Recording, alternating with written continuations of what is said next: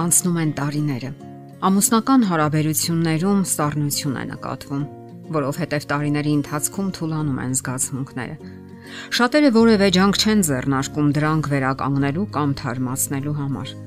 կամ էլ չեն պատկերացնում դրա կարևորությունը։ Ոմանք էլ 1-2 փորձից հետո հուսահատվում ու դադարում են։ Դա իսկ շատերն էլ համակերպվում են եւ կյանքը շարունակվում է միապաղաղ ու անհետաքրքիր։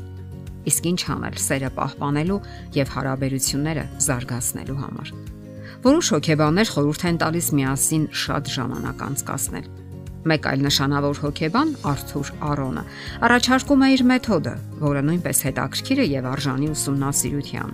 Այն համարում են նույնիսկ հեղափոխական մեթոդ, որը գործում է անվրեպ։ Ի վերջո շատ կարևոր է պահպանել զգացմունքների թարմությունը,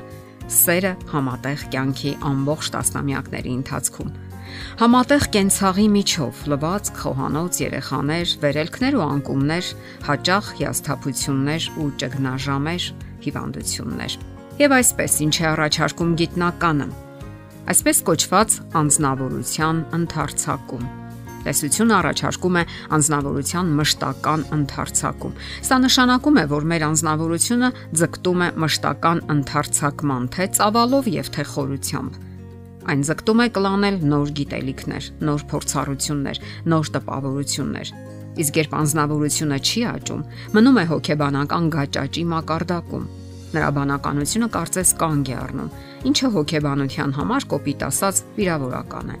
Իսկ ամուսնական հարաբերությունների գործընթացում զարգացման աճի գործընթացը հարկավոր է անցնել համատեղ Զույգը ինքը պետք է որոնի այն ճանապարհները, որով կարող է հարստացնել իր հոգեկան աշխարհը, նորովի ճանաչել իրեն եւ իր շրջապատող աշխարհը։ Փոփոխությունը գոյատևելու ամենաառողջ միջոցն է։ Հարկավոր է դուրս գալ հարաբերությունների ճահճից։ Ընտանեկան հարաբերությունները հաճախ վերածվում են ճահճի, որից դուրս գալու համար զույգը սխալ ճանապարհներ է ընտրում Տղամարդիկ ավելի հաճախ երբեմն էլ կանայք սկսում են ցախ հարաբերություններ որոնել, որpիսի իբր հարստացնեն իրենց զգացմունքները։ Իսկ շատերն էլ ցավոք ընտրում են ավելի սխալ ճանապարհ՝ ամուսնալուծություն։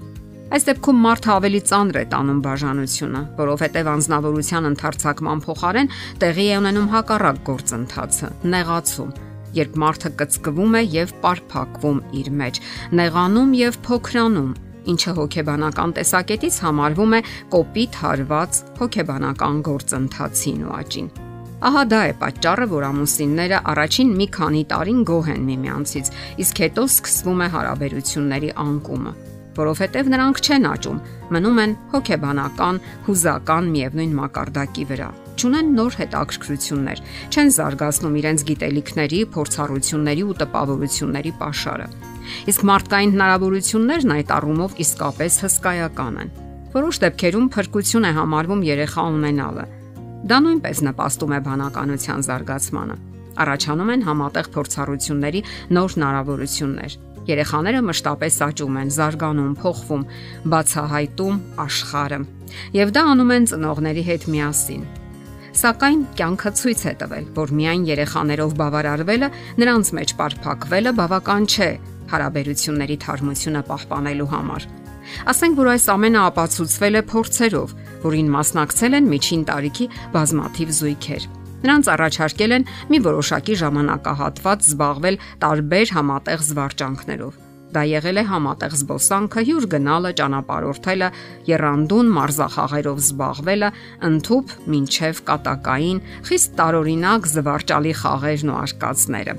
Զույգերի մի մասն էլ ժամանակը անց է կացրել խոհանոցում։ Ընդհանուր փորձի վերջում ստուգել են զույգերի բավարարվածության աստիճանը։ Այն շատ բարձր է եղել նրանց մոտ, ովքեր զբաղվել են ավելի հուզական ու երանդուն, այսպես կոչված խենց զբաղմունքներով։ Իսկ ահա նրանք, ովքեր միասին անց են կացրել ժամանակը խոհանոցում, ասենք կարտոֆիլ են մաքրել կամ ինչ որ բան են պատրաստել, ավելի պակաս բավարարվածություն են զգացել հետևությունները ծնվում են ինքնաբերաբար։ Ձգտեք լինել ստեղծագործական անznավորություն, ձգտեք դեպի նորը, փնտրեք այն եւ ունեցեք բավականաչափ էներգիա, հետաքրքրություն ցուցաբերեք կյանքի հանդեպ։ Անընդհատ միևնույն բաները կրկնելը պարզապես սպանում է հարաբերությունները։ Միասին ավելի շատ ժամանակ անցկացնելը նույնպես պետք է լինի ստեղծագործաբար։ Եթե անընդհատ գնում եք միևնույն ռեստորանը, կարող եք փոխել այն կամ գնալ մեկ ուրիշ վայր։ Գնում եք միևնույն ճանապարհով, հաճախակի փոխեք այն նույնիսկ ի վնաս ձեր գրպանի։ Փորձեք նոր բաներ, ասենք ճանապարհորդություններ, Գումարային խնդիրները հասկանալի են, սակայն ամուսնական միությունը պահպանելը արժե դրան։ Հետաքրքիր ձևով օգտագործեք ձեր հանգստյան օրերը, անընդհատ հայտնաբերեք նոր նախասիրություններ։ Մարդու ցանկացած չբավարարված պահանջմունք նրա մեջ լարվածություն է ծնում։ Դուք պետք է շատ ուշադիր լինեք ձեր կողակցի պահանջմունքների հանդեպ եւ նկատեք, անգամ կռահեք այդ մասին նրանից էլ շուտ։ Նման այն գործարարին, որն ավելի լավ գիտի, թե ինչ է պետք իր հաճախորդին եւ հաջողացնում է այդ պահանջարկը բավարարել նախապես։ Եվս մի կարևոր պահ, որ արժե նշել առանձնահատուկ։ Կարևորեք ձեր հոգեվոր վիճակը։ Վիճակագրությունը փաստում է, որ հոգեվոր զույգերը ավելի շատ ժամանակ են անցկացնում միասին եւ ավելի բավարարված են իրարից իրենց համատեղ կյանքից։ Այն զույգերը, որոնք միասին Աստվածաշունչ են ուսումնասիրում, միասին աղոթում են եւ միասին եկեղեցի գնում, ավելի ամուր են եւ գոհ են իրենց հարաբերություններից եւ կյանքից ընդհանրապես։ Ավելացնենք նաեւ, որ նման զույգերը միմյանց վստահելու ավելի ամուր հիմքեր ունեն։ Նրանք գիտեն, որ Աստծո պատվիրաններից 7-րդը հստակ եւ որոշակի հրահանգում է՝ մի շնանա եւ բոլորովին պատահական չէ, որ ըստ վիճակագրության հավատքի մեջ գտնվող ամուսինների մեջ բաժանության տոկոսը անհամեմատ ցածր է։ Ի վերջո, բաժանությունը լավագույն ելքը չէ։